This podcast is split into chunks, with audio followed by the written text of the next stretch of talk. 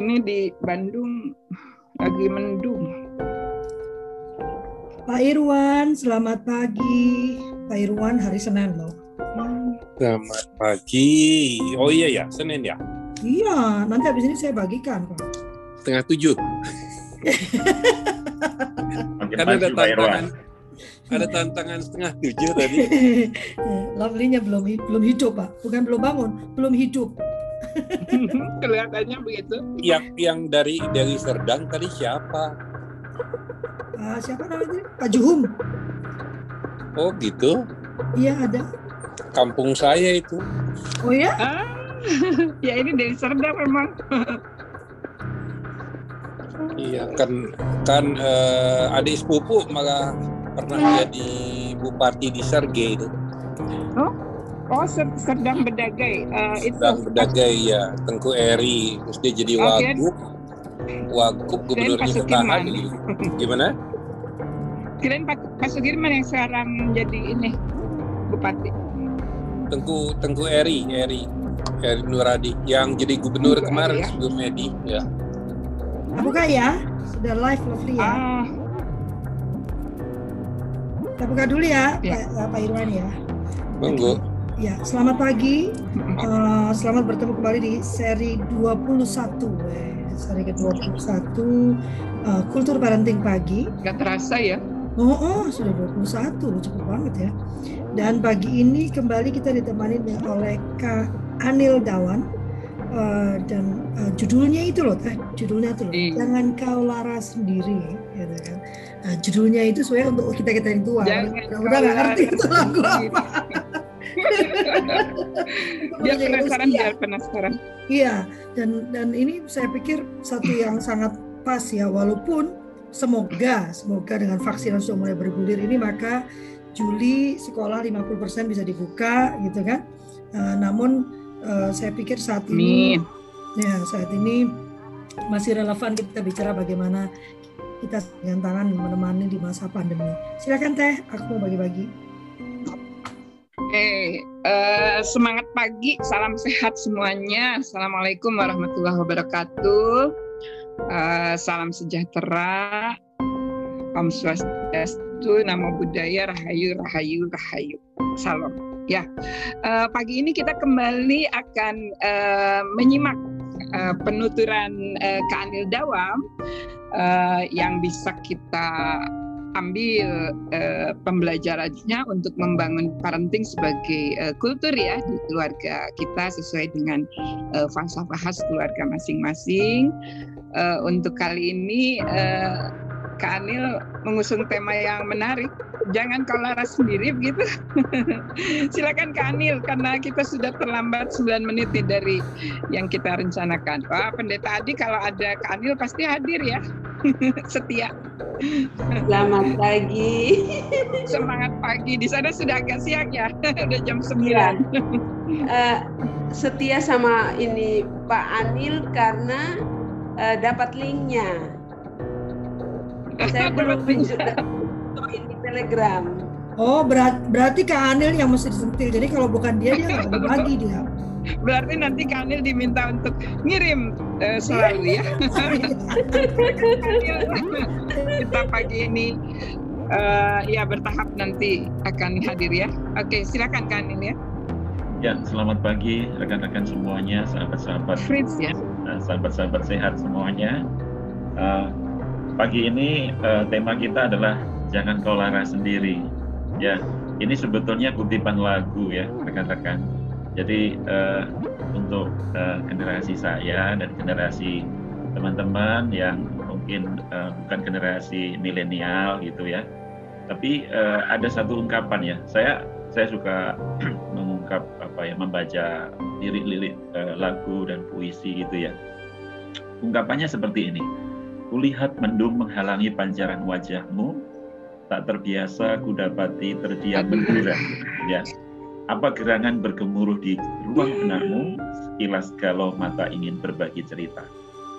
Nah, ini satu satu apa ya satu ungkapan yang sebetulnya menggambarkan bahwa setiap manusia itu sebetulnya memiliki emosi gitu ya manusia itu memiliki emosi dan setiap emosi itu punya nama. Dan dalam konteks pandemik ini, uh, lirik yang kedua itu mencerminkan kondisi keadaan uh, dunia secara umum dan bangsa Indonesia secara khusus, yaitu bahwa ku datang sahabat bagi jiwa saat batin merintih, usah kau lara sendiri masih ada asa tersisa. Usah kau lara sendiri. Oh iya itu ya. Jadi jangankan eh masihkah perubahan-perubahan ada ini terjadi, Teh, ya. Perubahan-perubahan ini terjadi yaitu kebiasaan hidup kita mulai dari ya menjaga jarak ini sangat sebetulnya mengubah kultur ya. Dulu kita bisa berjabat tangan, langsung berpelukan, ya. Anak bisa juga salim kepada orang tuanya, suami istri atau sahabat bisa cipika-cipiki dan sebagainya. Tetapi itu sekarang tidak bisa kita lakukan lagi. Menjadi bagian dari kultur kohesi sosial kita, persahabatan kita. Lalu kita juga harus memakai masker sekarang. Artinya apa? Nah, itu menjadi sesuatu yang bagi orang tertentu itu membatasi, yang membatasi mereka. Dan juga pembatasan-pembatasan sosial baik secara mikro maupun skala besar itu. Dan kita juga mulai bekerja dari rumah, di mana kehadiran kehadiran face to face menjadi face to screen sekarang ya face to screen di mana kita melihat orang itu di screen layar kita. Nah, nampaknya ini perubahan-perubahan yang ya yang terjadi dan berita-berita kematian ya. Sehari itu saya di awal-awal pandemik saya bisa mendengar ya antara 2 sampai 3 berita tentang uh, orang-orang yang kita kenal, orang-orang yang kita uh, apa dekat dengan kita dipanggil Tuhan, menghadap kepada Tuhan dan itu mengejutkan gitu. Itu satu rasa duka yang silih berganti datang dan terus menerus. Artinya di sini akan membangkitkan suatu emosi dan emosi yang paling banyak muncul itu adalah kesedihan menjadi keseharian yang nampak dalam hidup kita. Belum lagi berita-berita tentang orang-orang yang tidak uh, mendapatkan pekerjaan, mereka kehilangan pekerjaan. Lalu untuk makan saja susah sehingga harus dibantu uh, dengan menaruh makanan-makanan yang digantung di pagar-pagar dan diambil untuk mereka yang membutuhkan. Ini mengguratkan duka lara pandemi yang datang silih berganti itu. Belum lagi teman-teman kita menyaksikan pahlawan-pahlawan kemanusiaan, para dokter, nakes itu berguguran satu persatu. Karena mungkin ketidakjujuran uh, pasien mereka, uh, sehingga mereka terpapar dan menimbulkan klaster-klaster begitu.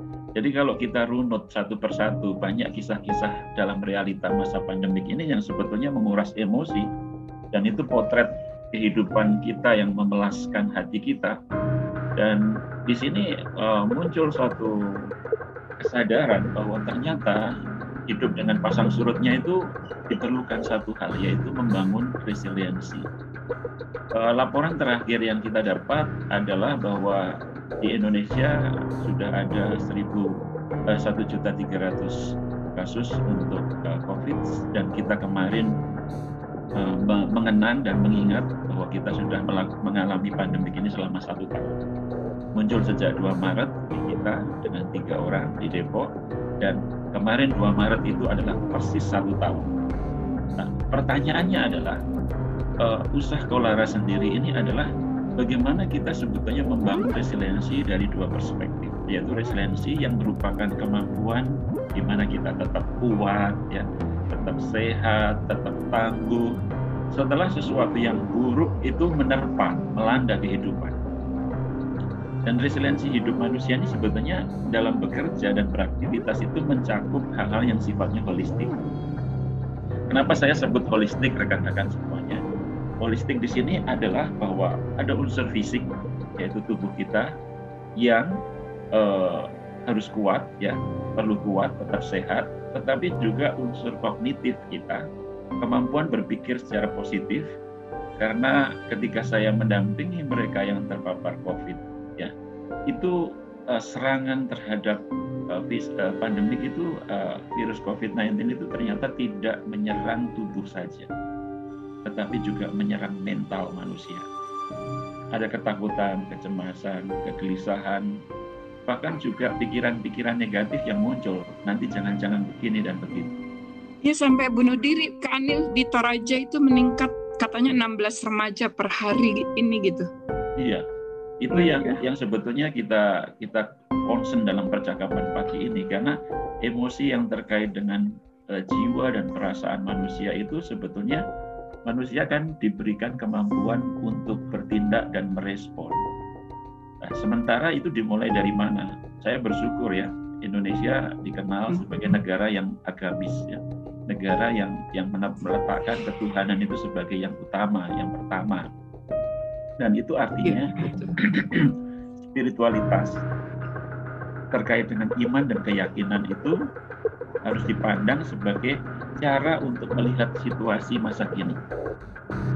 Nah, beberapa gejala dan tanda untuk mengekspresikan uh, untuk melihat simptom bagaimana seseorang itu mengalami stres dalam situasi pandemi, saya kira perlu dipelajari dan diajarkan kepada keluarga kita, terutama anak-anak kita yaitu misalkan dengan menurunnya gairah atau semangat untuk aktif melakukan aktivitas. Itu biasanya uh, lebih suka di kamar tidur-tiduran dan tidak melakukan aktivitas apa pun mungkin. Atau gejala Iya. 4L itu ya, ya teh ya, gejala 4L ya. Letih, Iya, lesu, betul. loyo, lemas, leplek ya.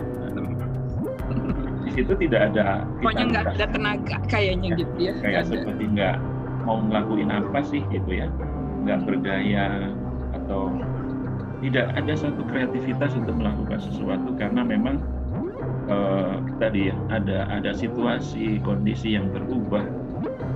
Dan itu bukan karena kesadaran tapi karena dalam tanda kutip karena dipaksa gitu ya ter- terpaksa karena keadaan. Eh, ada juga yang terus menerus tadi eh, di tempat tidur hampir dalam seharian ya. Uh, karena ruang apalagi kalau rumahnya itu apa ini ya RSS-nya banyak gitu ya. Rumah sangat sempit ya. Sangat sederhana suami saja susah gitu ya. S-nya 10 apa 11 itu. jadi di rumah itu jadi seperti apa ya seperti situasi yang nggak menyenangkan begitu. Apalagi eh, mungkin men- lama di situ rumah menjadi rumah belajar rumah menjadi rumah bekerja sementara aktivitas kegiatan sehari-hari harus jalan terus anak harus didampingi belajar pekerjaan kantor numpuk jadi eh, ini sebetulnya eh, menggambarkan bahwa ada pergeseran dalam kondisi pandemik ini yang memungkinkan rumah menjadi tempat yang aman dan nyaman untuk eh, kita beraktivitas. Nah, nampaknya perubahan itu belum cukup disadari sehingga konflik-konflik dalam rumah tangga juga muncul. Karena lu lagi, lu lagi ketemu orang yang sama, eh, sementara itu tadi mekanisme untuk eh, kita melihat situasi perubahan-perubahan itu juga belum diikuti kedewasaan-kedewasaan di dalam berpikir dan mengelola emosi. Ada juga yang saya perhatikan para selebritis yang mulai kecanduan alkohol, tidak hanya selebritis tentunya, siapa saja bisa, atau mereka mulai eh, menggunakan nafsa, narkotika dan zat-zat adiktif psikotropika, dan itu artinya bahwa juga ada semacam ingin eh, apa ya stress release. Mereka ingin melarikan diri ya eskapis dari kon- kondisi keadaan itu dan mencoba mengatasi tekanan-tekanan eh, jiwa itu dengan cara-cara seperti itu. Ada juga yang kita lihat teman-teman itu mereka mengisolasi diri dari orang-orang sekitarnya. Mereka tam- tampak murung. Eh, ada yang anak bertanya ya, anak kecil bertanya, "Eh, apakah temanku masih ingat nanti ketika aku nanti masuk sekolah gitu ya? Jadi karena sudah lama nggak ketemu temannya, apakah temanku Miris masih banget. apakah temanku masih ingat nanti ketika aku masuk sekolah lagi gitu ya jadi ungkapan-ungkapan itu menggambarkan kesedihan gitu ya rasa kehilangan. Sebetulnya yang disebut rasa kehilangan. Nah untuk orang-orang yang mungkin hidup sendirian ini khususnya yang terisolasi dan tidak terkonek dengan orang lain entah karena memang diisolasi karena mereka kena terpapar COVID ataupun mereka yang terisolasi karena kondisi-kondisi tadi. Mereka ini menciptakan stres dan kecemasan yang lebih unik. Orang-orang yang hidup sendirian, artinya mereka ter apa ya terisolir gitu, kadang mereka mengalami suasana hati yang berubah turun drastis saat mulai pekerjaan di awal hari ataupun di tengah hari bahkan di uh, akhir hari gitu ya. Dan kita tahu sebetulnya uh, Bapak Ibu sekalian rekan-rekan, manusia itu kan makhluk sosial. Kebutuhan manusia adalah berinteraksi dengan manusia yang lain. Bertegur sapa dengan saudaranya, sesamanya, rekan kantor, teman sejawat, itu merupakan semacam oase yang bisa memberikan daya dan semangat Bahkan kalau kita baca WhatsApp grup kita saja, kalau ada yang lucu kan kita ketawa ya, meskipun ketawa-ketawa sendiri gitu ya. Atau bisa terpingkal-pingkal gitu. Nah, keceriaan-keceriaan kecil ini itu sebetulnya bisa terbangun ketika orang saling bertegur sapa. Tapi ini deh, yang menarik eh, generasi milenial usia 18 sampai 35 tahun di dalam satu survei yang diadakan oleh uh, Barna dan World Vision International menemukan yeah. bahwa ternyata generasi milenial usia 18 sampai 35 tahun itu mereka terkonek dengan gadget mereka, dengan sosial media mereka, tetapi but alone gitu ya, tapi merasa mm. sendiri. Inilah sebetulnya ruang kekosongan batin yang ternyata teknologi itu tidak menciptakan kehadiran sejati, tapi kehadiran yang kadang semu. Hmm relasi Bahaya yang, ya ini. Ya, relasi yang kelihatannya ada, kita punya friend, friend kita di Facebook banyak, tapi yang benar-benar friendly dengan kita nggak banyak. Kalau kita kenal, punya hubungan baik, itu uh, saling bertegur sapa, saling bisa uh, curhat dan sebagainya itu tidak banyak. Ya, memang eh, gejala-gejala yang saya tangkap beberapa waktu yang lalu diungkap satu penelitian juga yang menarik anak-anak itu, anak-anak itu larinya ke sosial media.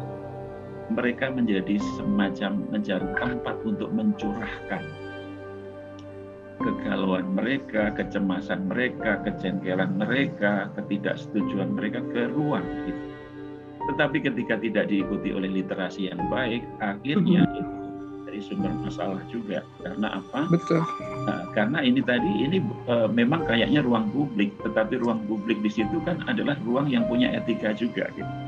Kita tidak bisa menceritakan semuanya di sosial media, ya tidak bisa karena tetapi mereka mencari ruang itu karena ruang itulah yang mereka dapatkan entah pengakuan entah dukungan entah apresiasi entah komen dan sebagainya yang tidak dapat mereka di dunia nyata Eh, di berbagai penelitian juga itu menunjukkan bahwa isolasi dari waktu ke waktu itu akan berdampak negatif pada kesehatan mental, kesejahteraan dan kebahagiaan manusia, entah itu anak-anak maupun orang dewasa. Karena apa?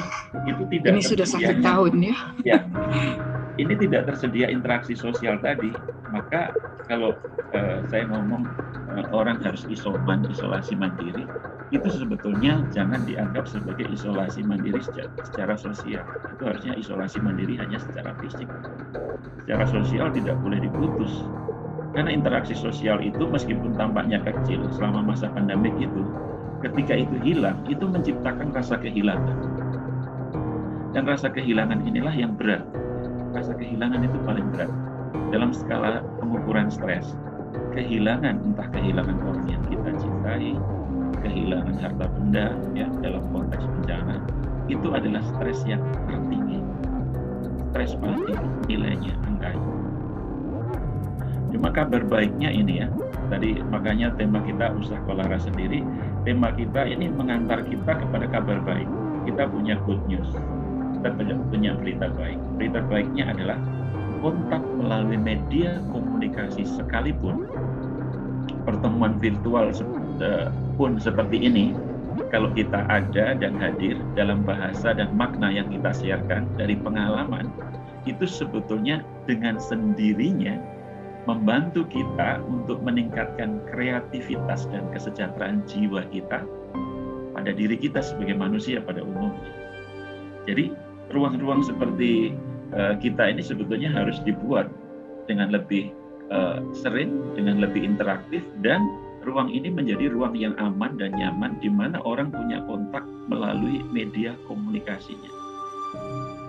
Dan dari berbagai informasi yang saya juga kumpulkan, percakapan-percakapan dari orang-orang, baik secara grup maupun secara personal, saya menemukan bahwa support group discussion itu penting. Bukan uh, kalau di penelitian kan FGD ya fokus group discussion, tapi kalau di dalam konteks uh, peer support gitu ya, kita mem memiliki kelompok-kelompok kecil ditemukan bahwa pandemik COVID-19 itu benar-benar membawa dampak yang luas bagi fisik dan psikis manusia. Juga spiritual. Karena orang bertanya kalau Tuhan ada, mengapa ada penderitaan, mengapa ada penyakit, dan itu mengantarkan orang kepada uh, yang yang memahami imannya dengan baik akan melihat bahwa ya Tuhan ada dalam penderitaan kita. Tapi yang tidak memahami dengan baik uh, menjadi semacam uh, apa ya ateis secara praktis gitu. Saya pernah ya diajak teman ya, uh, jadi mustafa sendiri gitu. Ya, agak sinis gitu terhadap hal yang yang berbau ke kanan gitu.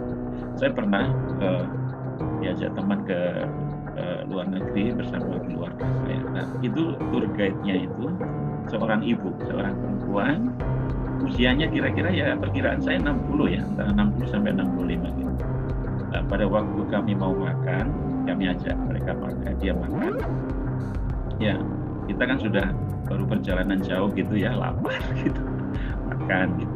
Lalu kita ajak yuk sebelum makan kita bersyukur kepada yang kuasa karena kita bisa makan ini setelah jalan jauh. Dia dengan sinisnya bilang gini kenapa kalian ini berdoa ya sebelum makan? Saya juga tuh uh, ya kita karena uh, menerima rezeki itu dari yang kuasa kita menerima makanan juga dari yang kuasa oh enggak kalau saya. Kita kita makan itu ya karena kita bekerja gitu dibilang gitu. Sudah kalian silakan berdoa sendiri. Saya tidak gitu.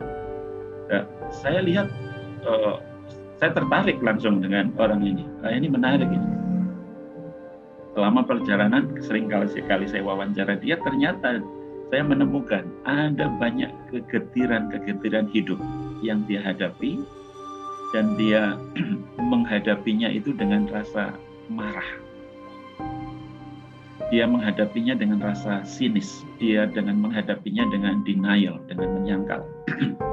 dan seolah-olah bahwa manusia itu otonom dan bisa menyelesaikan semua yang dihadapinya sendiri ya sendiri. Memang kayaknya kuat menjadi manusia yang kuat, tapi sebetulnya uh, menurut saya dia menjadi manusia yang paling rapuh ya. Karena apa? Kehadiran orang-orang di sekitar, kehadiran orang-orang di sekitar kita itu penting dalam kehidupan kita. Perlu membangun apa yang disebut dengan kesehatan mental. Apa itu definisi kesehatan mental, rekan-rekan? kesehatan mental itu merupakan suatu kondisi di mana kita sebagai manusia itu ada dalam kondisi sejahtera. Kita menyadari potensi kita, kita menyadari bahwa bahkan kalau kita menghadapi tekanan hidup yang normal dalam tanda kutip, kita dapat bekerja secara produktif dan tetap berbuah serta mampu memberikan kontribusi kita kepada komunitas kita, orang-orang di sekitar kita kecerdasan ini harus dibangun juga kepada anak-anak kita untuk melangkah menuju kesehatan mental di masa pandemik ini. Misalkan, ya ini saya berikan sedikit contoh ya, yang mungkin juga sudah teman-teman lakukan, Bapak Ibu sekalian lakukan. Misalkan eh, secara rutin kita berkala mengasuh spiritualitas kita dengan eh, berkomunikasi kepada Tuhan melalui eh, iman dan keyakinan dengan ibadah kita masing-masing bagi saya itu adalah fondasi spiritualitas yang sangat kuat. Ya. Ada yang melakukannya dengan doa, dengan sembahyang, dengan ibadah bersama keluarga, dengan meditasi dan sebagainya. Artinya apa? Manusia menggantungkan, saya mengatakan ini psikospiritualitas. Ya, jadi ada hubungan antara keyakinan kita dengan resiliensi kita. Dan di tengah krisis yang terjadi itu, masih banyak rasa syukur yang kita naikkan kepada Sang Pencipta itu. Kita naikkan melalui kebaikan-kebaikan yang dikaruniakan yang uh, kepada manusia dan semesta. Perlu juga diciptakan semacam partisipasi untuk memberikan semacam sapaan-sapaan dan dukungan kepada keluarga, teman, maupun sahabat, tetangga, dan siapa pun yang membutuhkan dukungan seperti uh, kita mendengarkan nyanyian ya atau musik bahkan atau menciptakan puisi, lagu atau mungkin aktivitas gerak, olahraga. Ini juga menjadi penting kita kerjakan, dilakukan dalam waktu yang singkat dan terbatas di sekitar rumah kita, di dalam rumah kita atau hanya sekedar untuk membangun semacam kebugaran tubuh ya karena ya, uh, mensana incorporin sano ya di dalam tubuh yang sehat juga terdapat yang sehat pula. Dan hormon endorfin kita akan muncul efek Naik. dan, dan bugar itu akan meningkatkan imunitas. Lebih gembira. Nah, gitu. mungkin sedikit lagi teh ya. Uh, salah satu manajemen stres yang baik itu adalah tidak memikirkan musibah ini secara berkepanjangan. Kemarin peringatan hmm. satu tahun itu menurut saya harusnya menjadi peringatan untuk uh, belajar juga dan mulai memikirkan uh, saya senang ya ada istilah yang dipakai oleh pemerintah kita itu adalah uh, bangkit gitu ya uh, hebat bangkit untuk me memanfaatkan potensi dan skill peluang dan kekuatan kita untuk menjadi sumber pemasukan di samping mencari kesibukan juga untuk mencari sumber mata pencaharian yang baru. Uh, kemarin saya ikut komunitas penulis, ya. saya ikut komunitas penulis dan uh, menulis adalah menjadi salah satu cara sebetulnya untuk menciptakan kreativitas dan mengembangkan potensi dan bisa menjadi sumber pemasukan juga. Lalu khususnya bagi orang-orang yang kehilangan mata pencaharian tadi, uh, alangkah baiknya untuk mengembangkan hobi karena pekerjaan sekarang itu lebih enak kalau dimulai dari hobi dan talenta yang dimiliki. Entah hobi tanaman, perawat tanaman, atau hobi memelihara hewan, binatang, dan sebagainya. Dan ini bisa menjadi kegiatan-kegiatan uh, uh, produktif, kreatif, yang bisa mengisi waktu-waktu kosong tadi. Hingga mendapatkan mungkin tambahan pendapatan ya dari apa yang dikerjakan. Hmm. Dan harapannya uh, krisis ini bisa kita atasi dengan bersinergi bersama-sama dan dalam proses itu uh, akhirnya uh, kita tidak mengalami lara sendiri tadi.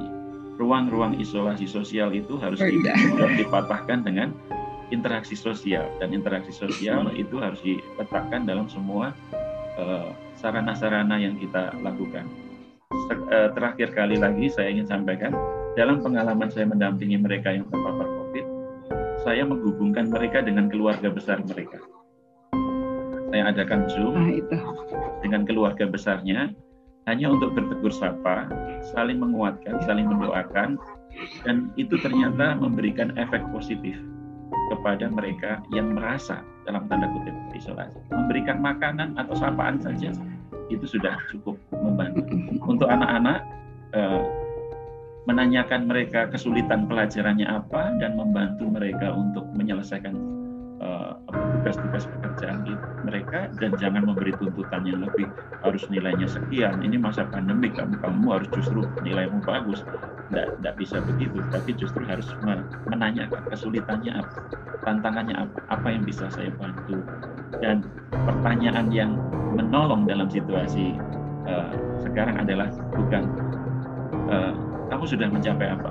Apa yang kamu sudah kerjakan? Tidak, tapi apa yang bisa saya tolong, apa yang bisa saya bantu, apa kesulitanmu. Itu uh, Lara yang ada di pundak tadi, ungkapan yang ini ya, uh, letak, ya letakkan tanganmu di atas bahuku, biar terbagi beban itu dan tegar dirimu. Di, di depan sana ada cahaya kecil untuk memandu, tak hilang arah kita berjalan itu teh terima kasih. Banget ya. Terima kasih Kak Anil. Saya sampai merinding jadi ingat lagu itu. Jadi banget ya memang dengan situasi kita hari ini ketika banyak hal yang bisa membuat kita larut dalam uh, lara lara diri lara semesta karena semua merasakan uh, yang sama. Tapi ada banyak uh, cahaya-cahaya kecil yang uh, bermunculan di Jawa Barat misalnya dengan ngabasoknya ngabaturan barudak sekolah online atau teman-teman uh, yang senang berjejaring uh, termasuk saya yang dulunya eh, nggak uh, suka dengan teman-teman uh, MLM, saya masuk di situ dan bisa cukup sangat intens untuk untuk saling sapa, saling menguatkan gitu ya. Tidak tidak melulu harus urusan bisnisnya tapi membuat lingkaran saling menyemangati, lingkaran kebaikan ternyata uh, buat saya sangat berguna sekali karena apa uh, biasa biasa keluar banyak sekarang hampir hampir bisa dipastikan di rumah saja. Cuma memang pada saat yang sama itu, itu tadi seperti ini mis, misalnya your network bandit with is low. Tiba-tiba begitu gitu kan? Tiba-tiba harus naik. Semuanya jadi harus naik dibayar padahal kemampuan kitanya juga menurun. Nah ini kan jadi kalau difikirkan memang akan jadi makin lara lah kita gitu ya. Jadi singkirkan saja pikiran itu ayo kita saling sapa silakan uh, yang hadir di Zoom ini uh, saya persilahkan untuk saling sapa silakan apa yang um, uh, hal yang membuat apa sih tiba-tiba jadi ingin bergerak lagi, tiba-tiba ingin bangkit, tiba-tiba ingin bangun tidur lebih pagi gitu ya. Bagikan di sini dengan dengan e, cara seperti itu kita bisa saling e, menginspirasi. E, silahkan di sini ada e, orang kalau masing-masing satu menit saja sudah sudah ber, beranjak waktu kita. Saya mulai dengan urutan kacang aja ya urut kacang. Urut urutan yang ada di eh ada Pak Masri. Ah Pak Masri dulu. Ini Pak Masri mudah-mudahan sudah sudah negatif uh, ini atau masih diisolasi diisolasi jadinya. Silakan Pak Masri Pak ya, Masri ini uh, terkena COVID-19 Kak Anil ya. Ya Pak Yanti? Saya lagi olahraga tapi videonya saya matikan ya. Siap siap saya siap. menyimak, ya saya menyimak dari tadi. Ya. Masih ya, isolasi memang. mandiri Pak? Isolasi masih, mandiri masih. atau kemarin kemarin kedua tapi hasilnya belum keluar. Mungkin hari ini keluar.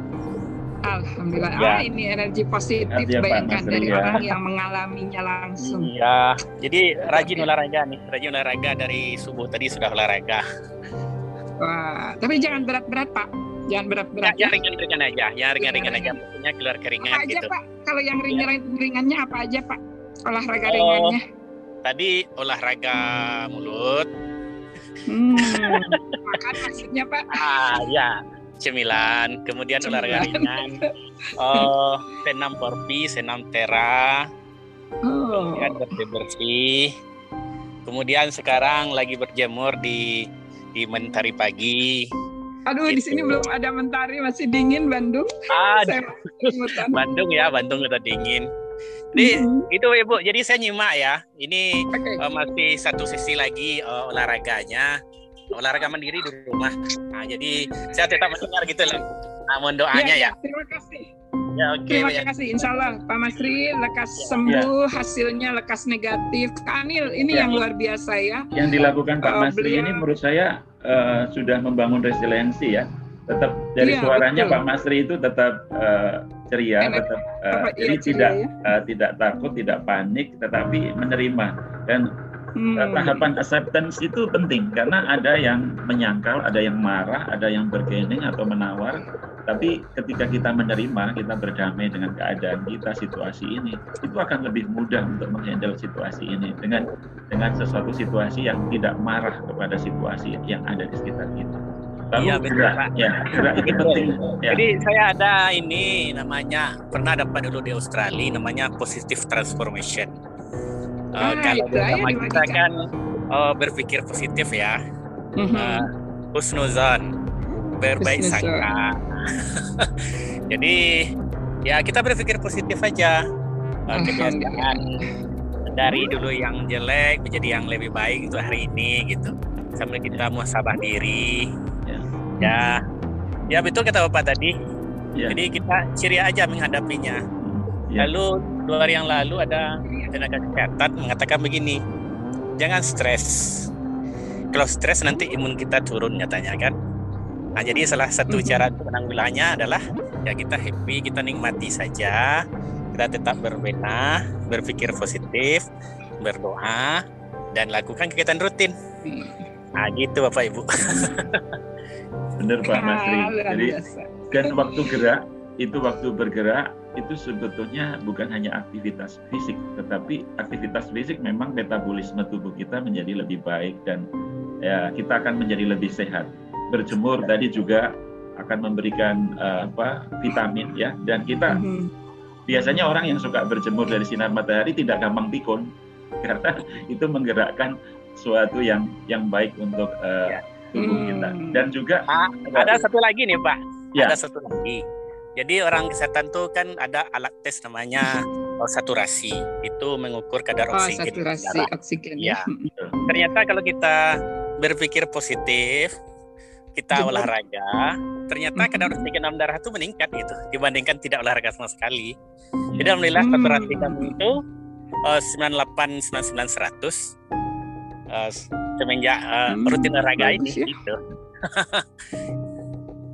Benar, bagus, benar bagus. sekali Pak. Uh, jadi jadi memang uh, kegiatan yang perlu dilakukan dalam masa pandemik ini adalah uh, beraktivitas dan berolahraga untuk dari meningkatkan ya metabolisme perkembangan tubuh kita menjadi lebih sehat, lebih segar, lebih bugar dan pikiran-pikiran positif itu masuk di dalam uh, diri kita sehingga uh, aktivitas yang gerak yang nampaknya kayaknya dikerjakan dengan singkat dan terbatas itu itu menciptakan kesegaran dan kebugaran gitu. Dan terus oh, iya. hormon-hormon endorfin kita untuk memberi efek segar dan bugar dan tenang gitu bahagia gitu. gitu. Ah, suntikan semangat yang luar biasa. Ini ayo. Semangat ya Mbak Masri ya. Tetap ya semangat. Terima kasih Pak. Bapak Ibu. pasti, pasti sehat pasti sembuh Bapak. Insya Allah ayo pendeta Adi mungkin dari timur. Ini udah kelihatan panasnya tuh dari uh, balik jendelanya. Aduh saya yang di sini kedinginan jadi ingin terbang. Silakan Pendeta Adi kalau ada yang ini sapaannya berbaginya silakan. Ya, selamat pagi. Uh, pagi. Untuk kesempatan yang berbahagia ini, uh, tadi Pak Amil bilang bahwa tak terasa sudah satu tahun ya kita hmm. merayakan, tapi juga memaknai uh, pandemi virus corona. Nah, saya ingat tahun lalu itu uh, sebagai pendeta yang terbiasa melayani dengan kerumunan, tatap muka, saya tertolong dengan pelatihan yang difasilitasi oleh Pak Anil dan teman-teman dari WVI dan PGI, eh, psikososial dan konseling pastoral bagi pemimpin gereja. Nah, dengan kegiatan itu sampai dengan hari ini saya uh, tetap ya dalam tanda petik ya eksis dengan teman-teman sekalipun lewat uh, virtual. Nah, saya juga senang dengan uh, kultur apa ya parenting, metamorfosis. Tapi uh, saya belum digabungkan dalam uh, Telegram sehingga saya tidak dapat link.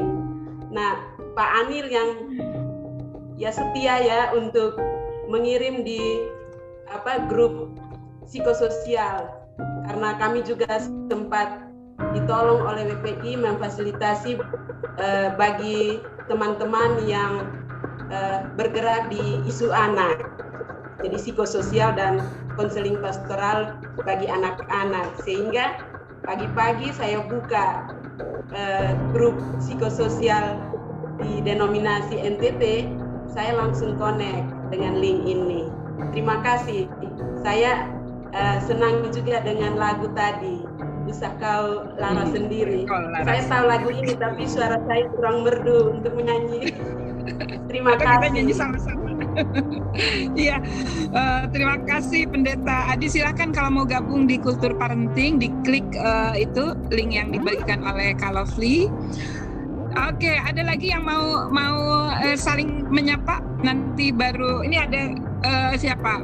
Kak Muftiah nih baru gabung lagi udah lama ya. Juga Dokter Soya, Mbak Betty, Kak Ina, Kak Nuki sedang ngajar, Kak Linda, Kak Iis, Kak Abdul Karim, uh, Pak Irwan. Silakan.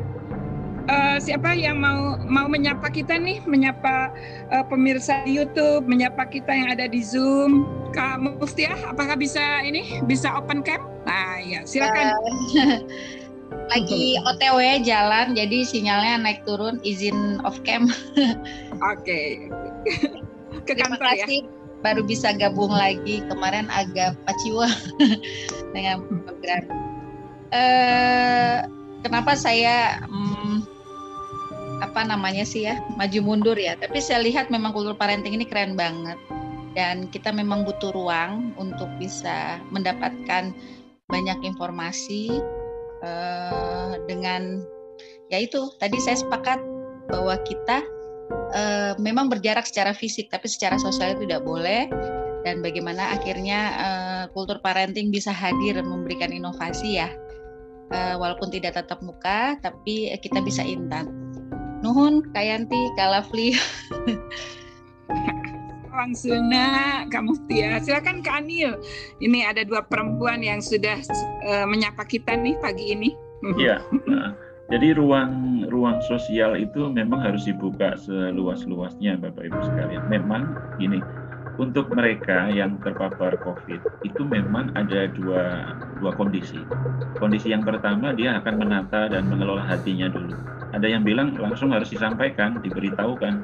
Tapi untuk memberitahukan dalam kondisi sosial di mana masyarakat diliputi oleh ketakutan, kadang itu justru menimbulkan stigma. Dan uh, untuk menetapkan bahwa dia harus terbuka menceritakan itu atau tidak ke orang lain, menurut saya sepenuhnya adalah kepada orang yang bersangkutan. Kita tidak bisa memaksa orang untuk menyampaikan sesuatu yang dia tidak mau sampaikan. Dan ruang sosial ini sebetulnya justru muncul dari kebutuhan kita sendiri ya. Muncul dari kebutuhan kita sendiri bahwa itu perlu. Tetapi jikalau itu memang dalam satu situasi tertentu di mana orang belum mau menyampaikan bagi saya interaksi-interaksi personal itu yang perlu dibangun interaksi-interaksi personal ini adalah mungkin orang tidak siap untuk masuk ke ruang sosial interaksi sosial yang lebih luas di ranah uh, publik ya uh, membuka bahwa saya terpapar COVID dan sebagainya itu itu, itu membutuhkan banyak pertimbangan-pertimbangan ya. Tetapi ketika dia belum belum mampu menyampaikan itu atau dia mengalami kesulitan-kesulitan, entahkah dia mengalami kesulitan pengelolaan keluarga, pendampingan anak, ataupun juga masalah-masalah uh, uh, pribadi dan sebagainya, saya kira yang perlu dilakukan adalah mencari link secara personal dulu. Dan link personal ini sebetulnya akan membawa bahwa ternyata Anda tidak mengalaminya sendiri. Ada banyak orang yang mengalami seperti apa yang Anda alami dan ketika Anda berjumpa dengan orang-orang yang sama, maka kata simpati itu kan kata sim itu dari kata sama, pati itu dari kata patos yang artinya punya sama, perasaan yang sama. Dan perasaan yang sama ini penting dibangun. Selain empati, kalau empati kan dari dalam sesuatu yang digerakkan dari dalam untuk memberikan merasakan gitu ya. Dan bukan hanya merasakan tetapi juga ada action ada tindakan untuk melakukan sesuatu untuk supaya uh, mereka bisa tertolong. Saya kira uh, ada satu kemarin webinar yang saya mau ikut tetapi tidak tidak kelewat begitu ya. Judulnya menarik cinta yang menyembuhkan. Dan banyak orang akan menjadi sembuh kalau orang itu diperhatikan mm, uh, di, uh, ada orang yang berbela rasa terhadap dia dan dia tidak sendirian. Anda tidak sendirian menghadapi ini. Orang itu pasti sembuh karena itu adalah wujud cinta dari seseorang atau satu kelompok atau keluarga atau apa pun namanya dan itu dia menolong dia untuk saya tidak menghadapi sendiri. Saya punya keluarga, saya punya orang-orang yang mendukung saya dalam doa, dalam apa support gitu ya. Saya menghadapinya bersama. Dan itulah kekuatan ya. Selain kekuatan kesehatan mental diri sendiri tadi bahwa kita menemukan potensi apa yang ada dalam diri kita kita kembangkan. Lalu dari dari yang kita kembangkan tadi kita bisa berbuah berkreativitas untuk memberikan manfaat kepada orang-orang di sekitar kita. Jadi bangkit gitu ada kebangkitan dari keterpurukan ya. dan biasanya kalau tadi uh, bangkit secara fisik bagi orang yang terpapar COVID itu kan setelah isolasi di hari ke-13 dinyatakan negatif, itu kan tidak bisa langsung kita beraktivitas gitu ya. Nah, kadang penerimaan-penerimaan apresiasi dari orang sekitar itu juga penting. Karena ada teman-teman yang setelah sembuh, termasuk juga uh, dari lingkungan di mana keluarga besar saya, dia sembuh tapi tetangganya pada nyingkris semua apa itu nyingkris ah, iya, iya. tetangganya itu minggir semua itu ya? Ya kayak lihatnya itu seperti orang kesakitan dalam tanda kutip. Betul betul. Takut takut oh. apa ketularan gitu ya masih takut ketularan hmm. gitu. Dan itu sebetulnya uh, tidak membangun resiliensi dan membiarkan orang laras sendiri tadi. Hmm. biarkan orang laras sendiri.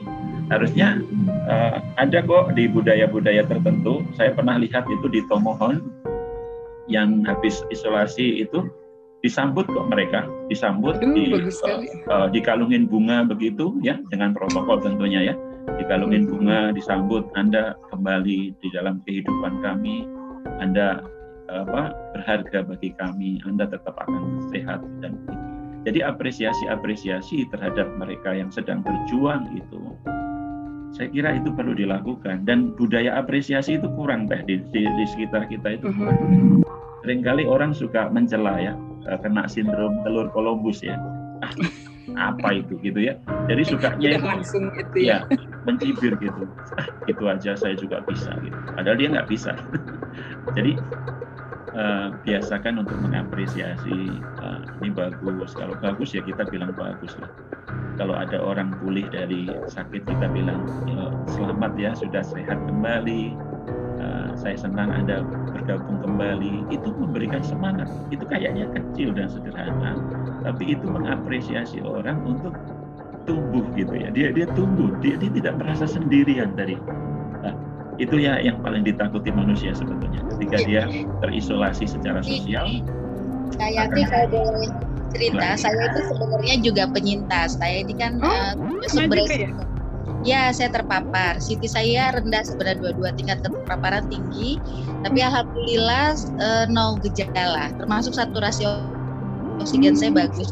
Karena pada saat kami waktu itu di tracing karena ini klaster kantor, uh, saya meng, ya itu tadi menguatkan diri dan teman-teman pas uh, langsung apa ya waktu kita habis swab itu langsung bilang Bu Mutia itu yang paling beresiko katanya karena memang urusannya kan dengan kesehatan kunjungan ke rumah sakit dan sebagainya dan yang saya kuatkan adalah saya tidak boleh menyalahkan siapa-siapa karena eh, yang penting adalah pada saat saya menerima hasil swab saya berdamai dan saya harus fokus bagaimana.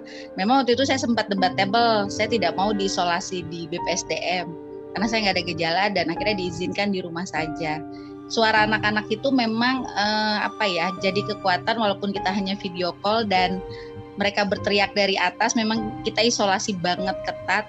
Dan ngelihat saya itu kalau kata orang Sunda jika jelema ya kalau bundanya udah buka pintu langsung bunda tunggu dulu kita naik dulu ke atas katanya gitu. Yeah. Iya. uh, terus saya tidak diizinkan makan makanan di rumah. Memang pasti ada Parno itu. Jadi semua dipesankan. Uh, jadi sempat uh, ada orang tua murid yang bantu saya buatkan catering jadi itu diantar semua pakai plastik dan itu semua dibuang. Saya isolasi mandiri 10 hari tanggal 10 di swab 11 saya dinyatakan positif 10 hari saya swab lagi hasilnya negatif. Alhamdulillah Alhamdulillah. Jadi terasa banget ya virus ini seribu wajah, sangat unik karakteristik. Yang penting adalah memang menjaga imun. Jadi si virus nggak ngacak-ngacak tubuh. Dan pada saat saya di kamar sendiri, aduh itu mah nggak bisa tidur. Uh, apa ya? Uh, untung saja kita punya Android ya, yang kita bisa nonton YouTube dan apa pun gitu. Pokoknya uh, ada kegiatan apa pun selama 10 hari itu saya ikuti gitu. Karena memang uh, banyak WA grup yang saya ada terlibat gitu. Makanya waktu itu teman sempat nanya Bu Mutia kok tumben 10 hari ini ikut terus ya? Nah saya tidak menyampaikan gitu kan. Membuka membuka itu emang berat. Termasuk tetangga di sini juga nggak ada yang tahu karena khawatir menjadi ramai dan saya tidak lapor ke puskesmas karena memang waktu itu dokter di dinkes karena ibu tidak ada gejala ya Ya, saya, saya, saya sendiri setuju bahwa keputusan untuk menyatakan membuka dan tidak itu dikembalikan kepada uh, yang bersangkutan. Dan juga yang terpenting adalah keluarga dekatnya yang tahu. Karena kalau isolasi mandiri kan memang kita pakai protokol kesehatan jadi tetap pakai masker beda kamar beda uh, kamar mandi dan sebagainya. Ya. tetapi tadi jangan orang diisolasi seolah-olah dia pesakitan dan ya. itu berat itu berat sekali dan berat itu sekali, ya. itu tidak Just. boleh dilakukan tetap harus menyapa meng, apa ya, mendorong untuk anda anda tidak apa-apa anda meskipun sakit kami ayo tetap semangat itu jadi memberikan semangat itu orang uh, tidak merasa sendiri itu yang penting ya dan setelah saya kembali ke kantor justru uh, saya harus menjadi agen ya, agen teman-teman nakes bahwa setelah 10 hari sebenarnya virus ini sudah tidak menginfeksius. Hanya kalau sempat dia menginang memang dia akan berdampak pada diri tapi tidak menularkan.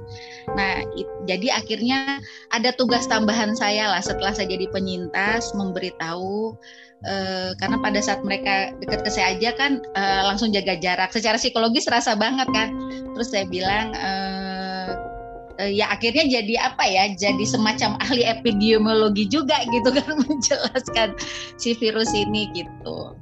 Hmm, dan memang uh, ke apa sih lebih careful ya meyakini bahwa virus ini ada kita tidak boleh abai tidak boleh apa namanya uh, kalau kita bilang tuh apa ya tetap harus uh, ternyata teh psikologis banget yang menjadi hmm kekuatan dan itu adalah vitamin terbaik.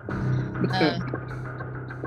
Uh, dan itu terasa banget uh, pada saat anak-anak menangis saya terisolasi walaupun padahal di rumah saja wah yang justru bikin drop sebenarnya itu ya ini ya memang ini tekanan psikososialnya tuh dari berbagai arah. Jadi kalau kitanya sendiri tidak seperti yang dilakukan uh, Pak Masri ya menerima kondisi ini lalu dengan segala uh, keterbatasannya, tapi kita bisa tetap menjaga uh, ceria, menyapa teman-teman kita meskipun melalui uh, daring gini ya.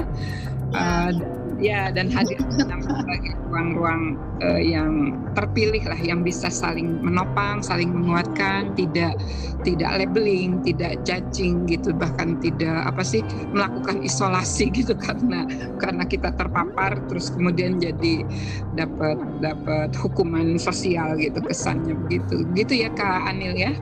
Ini uh, kita masih punya waktu sebenarnya karena tadi dimulainya uh, terlambat sekitar 10 menit Uh, jadi uh, silakan kalau ada yang mau uh, apa berbagi kisah atau uh, menyampaikan inspirasi dari apa yang dilakukan. Wah lihat Pak Masri ini semangat, saya makin semangat.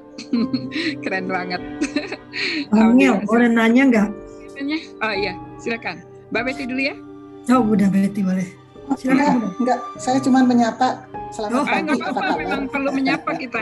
perlu saya menyapa. menyapa saja. Assalamualaikum. Waalaikumsalam warahmatullahi wabarakatuh. Ada yang dari jauh tuh Kak Emi dari uh, Mas Sohi. Wah, alhamdulillah. Sehat ya Kak di sana? Emi Facebooknya kenapa berkali-kali? Assalamualaikum Bapak Ibu, selamat pagi. Waalaikumsalam. Waalaikumsalam. Uh, Oke, okay, uh, eh, kalau Fli, oh tadi ada Pak Bagus kayaknya mau mau menyapa juga. Ayo Pak Bagus. Silakan Pak Bagus. Ya, terima kasih. Dengar ya suara saya. Ya.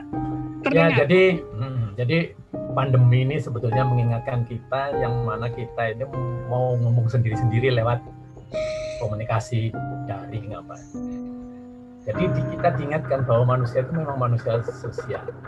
Ya. Harusnya tetap ada silaturahmi.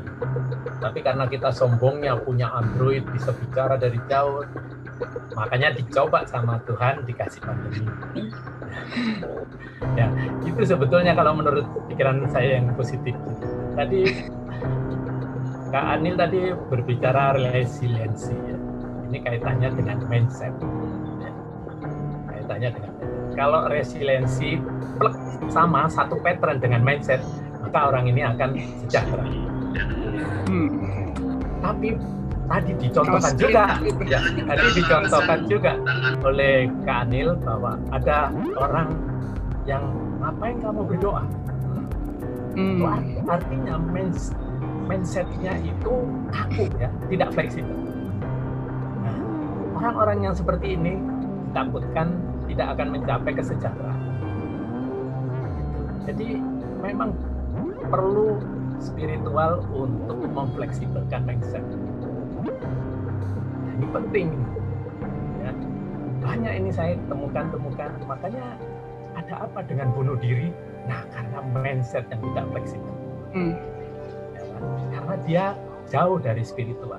Mestinya dia dikenalkan, kenapa kamu hidup, kenapa kamu bisa mati. Itu dulu. Sehingga dia akan sadar. Gitu jadi betul nih Kak ini memberikan inspirasi inspirasi seperti itu sebetulnya agar si mindsetnya itu fleksibel plek sama dengan resiliensi jadi dia akan mendapatkan ketahanan terus kalau mindsetnya ini fleksibel dan orang-orang seperti ini yang sebetulnya yang normal gitu kalau mindsetnya yang nggak fleksibel itu sebetulnya nggak normal gitu ya.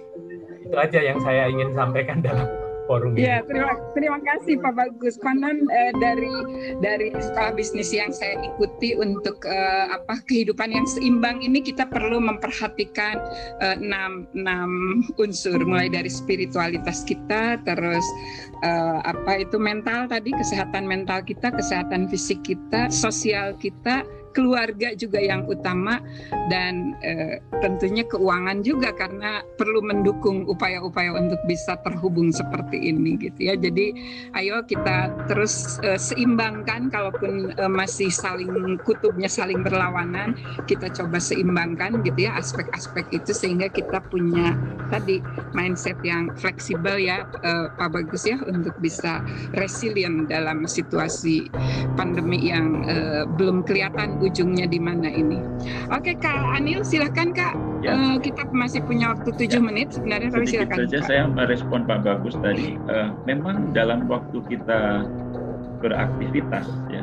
Jadi dalam keadaan terburuk psikososial kan, psiko itu adalah uh, jiwanya dan sosial adalah lingkungannya di mana itu ada keterkaitan gitu. Ketika kita berinteraksi dengan lingkaran sosial kita, interaksi sosial kita, maka kejiwaan kita ya, jiwa kita juga akan lebih sehat.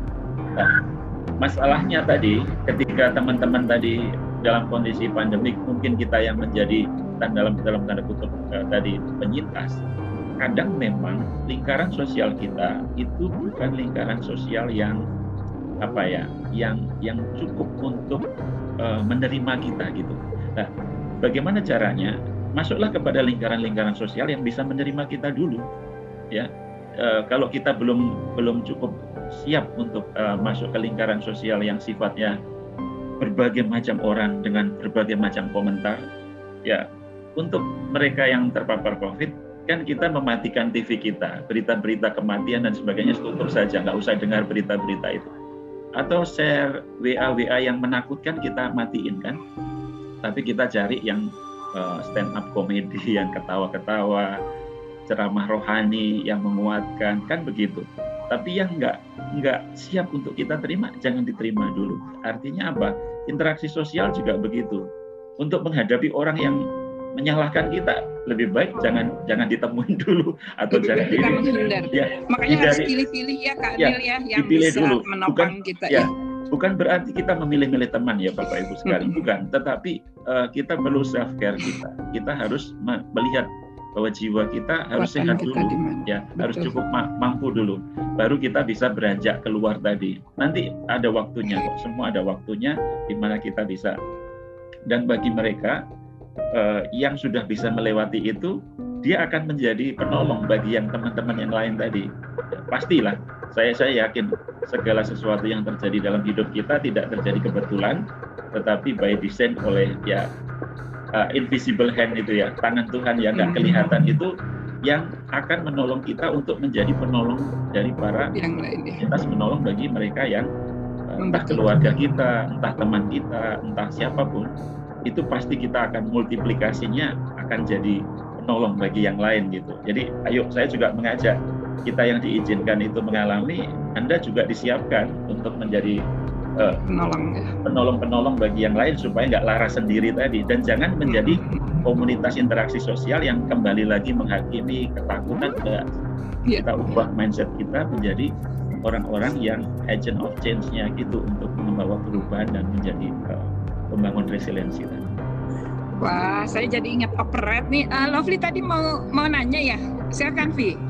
Iya, tapi nanti kalau sempat jawabnya dijawab di Japri aja ke uh, Anil. Jadi memang sejak awal pandemi kami membentuk satu support group ya, namanya operet, gitu kan, obrolan perempuan tangguh. Sebetulnya sampai hari ini sudah ada 450 perempuan yang bergabung ke Anil. Cuman menariknya yang aku perhatikan dari teman-teman ini, di awal itu semangat untuk bersosialisasi, untuk ngobrol, untuk saling menguatkan itu luar biasa. Di tahun pertama uh, pandemi ya, uh, uh, kami sampai kewalahan gitu menampung apa uh, grup yang ramai banget gitu kan. Tapi yang saya perhatikan di tahun kedua ini, kita semua sudah lelah mungkin ya, kita semua sudah lelah gitu kan. Sehingga keinginan untuk bersosialisasi itu juga turun drastis gitu. Kebanyakan mereka lebih memilih japri entah ke saya entah ke Teh Yanti gitu kan untuk bercerita. Tapi keinginan untuk berkumpul itu sangat menurun drastis. Selalu saja alasannya maaf kak uh, sedang sibuk ini nih. Jadi karena pekerjaan udah mulai menumpuk ya. Uh, sebetulnya termasuk saya sendiri kan di tahun kedua. Uh, uh, apa ya peluang mencari duit itu makin sulit kan karena duitnya juga jadi makin sulit gitu kan. Uh, sehingga kebanyakan dari mereka tuh hari ya itu tadi memilih untuk lara sendiri gitu kan ya. Walaupun uh, sudah kita dorong ayo ngumpul ayo ngumpul gitu kan. Terutama yang sudah lepas dari kelaraannya merasa sudah lepas dari kelaraannya itu juga juga enggan untuk untuk bergabung karena malas mendengar lara orang lain gitu mungkin ya ceritanya ya juga uh, ke, uh, kegiatan menulis. Misalnya tadi Kak Anil menyampaikan bahwa menulis itu sangat sangat membantu gitu kan. Uh, kami juga melakukan itu lewat Sapasari ya namanya satu paragraf satu hari. Uh, silakan menuliskan gitu. Di awal wow sampai kewalahan mencatatnya gitu. Sekarang sulit sekali gitu. Selalu kata-katanya uh, uh, sibuk kak kalau free uh, pagi-pagi udah harus ini kalau free harus kerjaan ini harus kerjaan itu. Jadi uh, padahal saya merasa justru ke sini nih jangan sendirian justru ke sini nih harus uh, bergandengan tangan karena ini makin sulit. Semuanya makin sulit gitu makin belum ada kepastian sama sekali. Ada tips gak sih yang bisa Lovely pakai untuk membangkitkan? Karena saya percaya banget itu uh, kalau kita menyendiri uh, situasi akan makin terasa sangat sulit. Gitu. Cuman bagaimana membangkitkan mereka? Hey jangan sendirian gitu. Ayo ngumpul ayo ngumpul gitu Silakan Kak.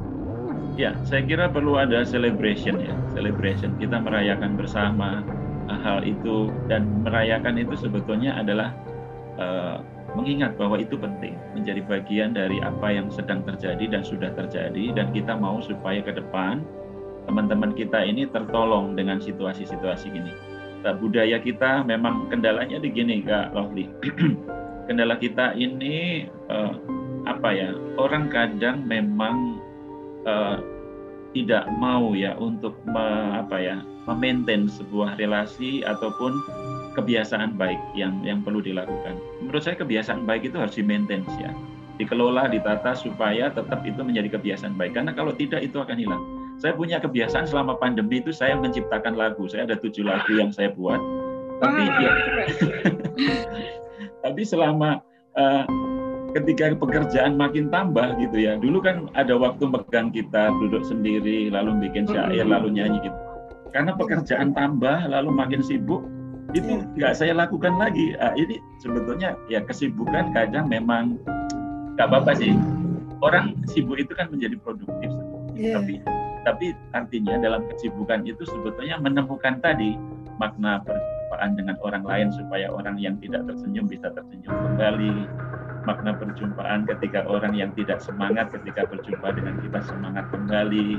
Nah, ini yang yang menurut saya perlu ditumbuhkan dan cerita dari orang-orang yang merasakan itu juga perlu, bukan hanya orang yang memberi. Ya, ini namanya uh, perspektif dari uh, mereka penerima. Dan di proyek-proyek kami biasanya begitu.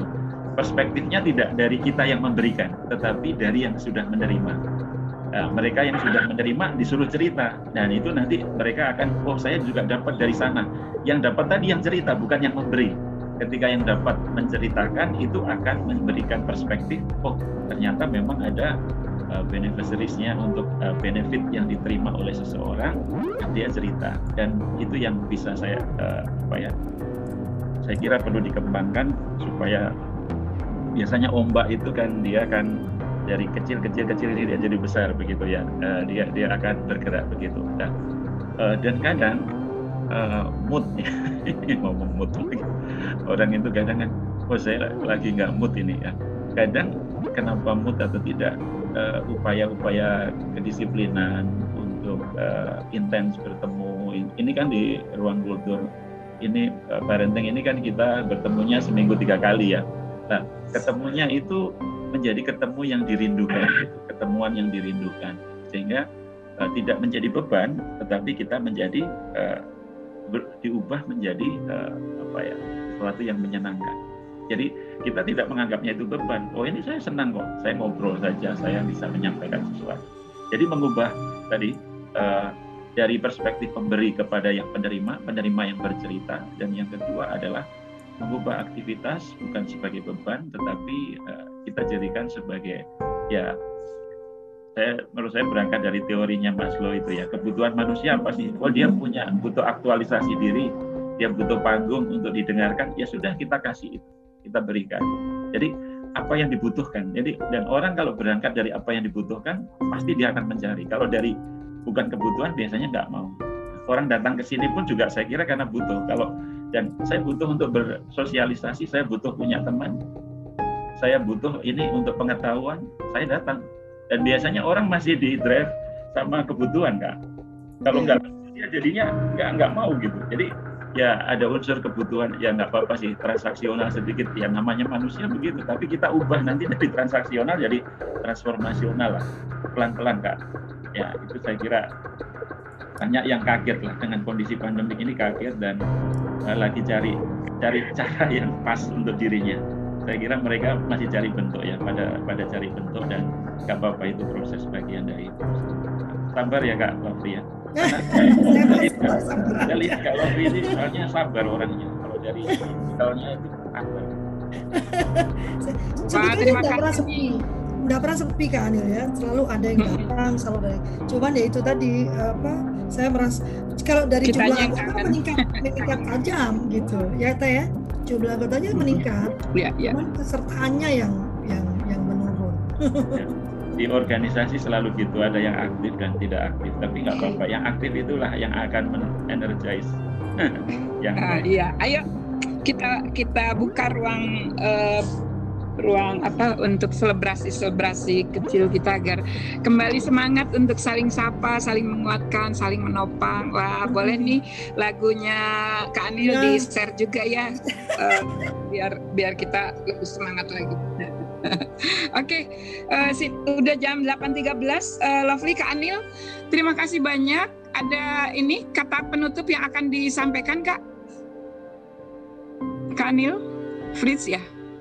Ya, coba saya saya akan menutupnya dengan dengan uh, mengutip lirik lagu ini aja ya. Oh, iya betul. Ya, uh, sekali sempat kau mengeluh, kuatkan bertahan. Satu persatu jalinan kawan beranjak menjauh.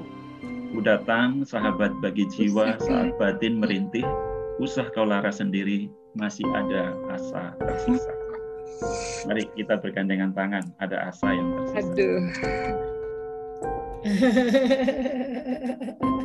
Mari pagi-pagi baca puisi. Usaha laras sendiri ya. Silakan Novi ditutup uh, kultur parenting kita pagi ini uh, pada teman-teman yang uh, sudah hadir kakak semua. Terima kasih baik yang di Zoom maupun di YouTube. Silakan Vi.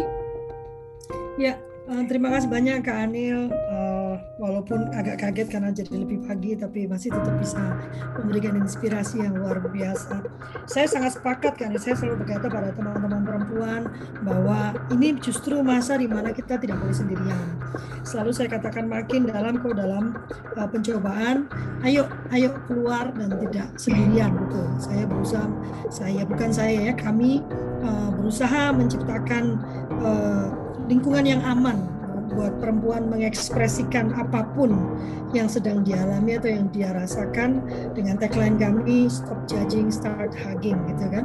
Dan juga sekarang yang saya sampaikan ke perempuan kalau memang sudah tidak punya sesuatu dikeluhkan ya berarti ini saatnya anda untuk mendengarkan keluhan gitu. Jadi bukan jadi tadi kata Kanil kan bukan hanya minta didengarkan tapi juga mulai mendengarkan. Karena masa-masa seperti ini adalah masa yang yang benar-benar kita harus bergandengan tangan karena kalau sendirian itu beban jadi makin berat. Ini nggak cuma saya bicara sebagai orang yang sok tahu, tapi saya pun merasakan demikian. Kenapa sering orang bilang, oh, kalau Fli semangat banget loh tiap kali, karena saya membutuhkan teman itu saja. Bukan karena saya sedang ingin sosial, ingin sangat baik. Nah, ini karena salah satunya adalah kebutuhan saya untuk berteman, kebutuhan saya untuk berbicara dengan orang lain, kebutuhan saya untuk berdiskusi dengan orang lain.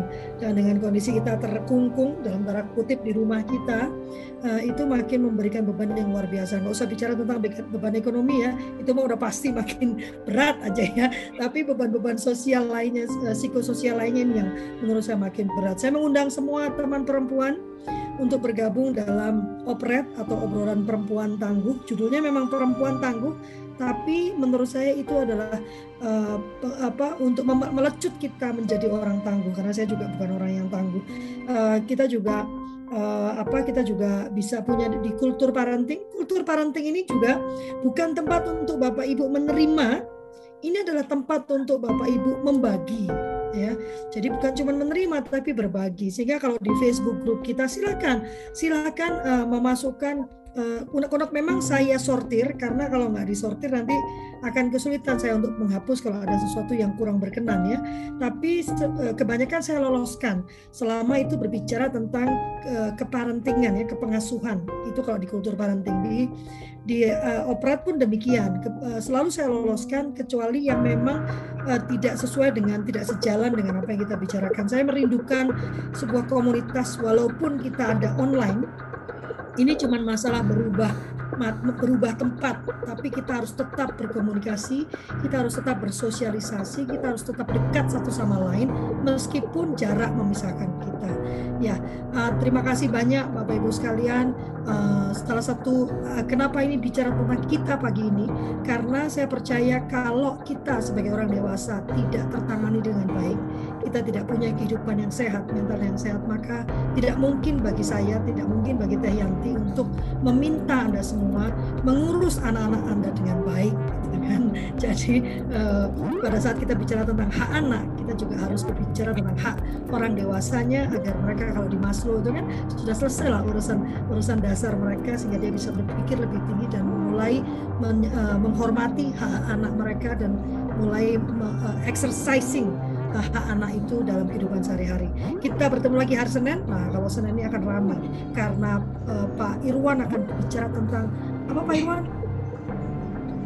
Mental tangguh ya, ya Pak Irwan ya. Mental pemenang. Mental pemenang mana Pak Irwan? Jangan-jangan dia sudah. Oh ada, kira lagi push up Pak, jadi nggak bisa ngomong. Ada masih. Habis ini push up.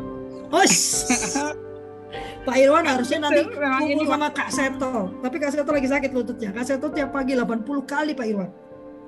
Uh, luar biasa iya. ya. Push up. Dan sudah sudah sukses ya naik-naik manjat-manjatnya udah sukses juga dia. Ya tuh sukses lututnya tuh belengsek gara-gara lompat-lompat itu. Kak Seto sekarang lagi pakai manjat-manjat karena lompat bukan manjat teh. Jadi dia lompat dari lantai dari lantai itu eh, pak pakur kan dia dia lompat. Masya Allah. Iya. Lututnya Ingat usia memang ya. Geser. iya. Jadi beliau sekarang harus pakai kruk. Ah Ya, terima kasih banyak. Kita ketemu lagi hari Senin. Nanti akan segera saya bagikan uh, flyer untuk hari Senin ke, uh, dengan Pak Irwan. Saya nggak sabar nungguin hari Senin. Uh, sampai ketemu lagi. Kita akan live. Oke, kita minta live. Oke, kita live di IG kita Mama Radel dan Yanti Kerlip. Uh, dan kita akan diskusikan lebih lanjut ke Anil, Pak Irwan. Sekali-sekali ikut dong IG live kita, Pak Bagus. Ya, kalau di situ kita, kita, kita, kita biar ada laki-laki iya. Ikut. Ini karena nggak ada teh ada Cimeli jadi ada satu IG. ruang untuk bergabung di IG live. Karena hanya bisa tiga kalau IG live iya salah satu hadir. Iya ayo Kak Anil hadir lagi Kak Anil. Kata Kak Anil aku mau kerja lagi. Terima kasih kasih banyak atas nama personal dan atas nama kami bertiga. Saya memohon maaf yang sebesar-besarnya apabila ada kata. Ayo kita buka dulu, kita mau foto. Nanti aku ditanyain Cimeli repot nanti. Uh, Bu Mufti, Pak Mastri, Kak Misna, Bu Sofia, Bu Sofia, kangen nyari sibuknya oh, luar biasa. Kak Ira, Kak Ina, Kak Linda, Kak, Ira. Kak Linda siapa ya? Kak In, Bu Ina, Kak Ina belum pakai ini ya kali ya, belum pakai uh, belum pakai ini. Beliau pakai cadar saya. Kak Ina udah pakai cadar, ayo ya. buka dong. Nah, saya foto ya. Satu. Senang sekali ya kita. Dua, tiga. Uh, awas ya jangan sarangi nanti ada yang ngomel. Kan gini iya. Kata kak kak kak ini nggak boleh.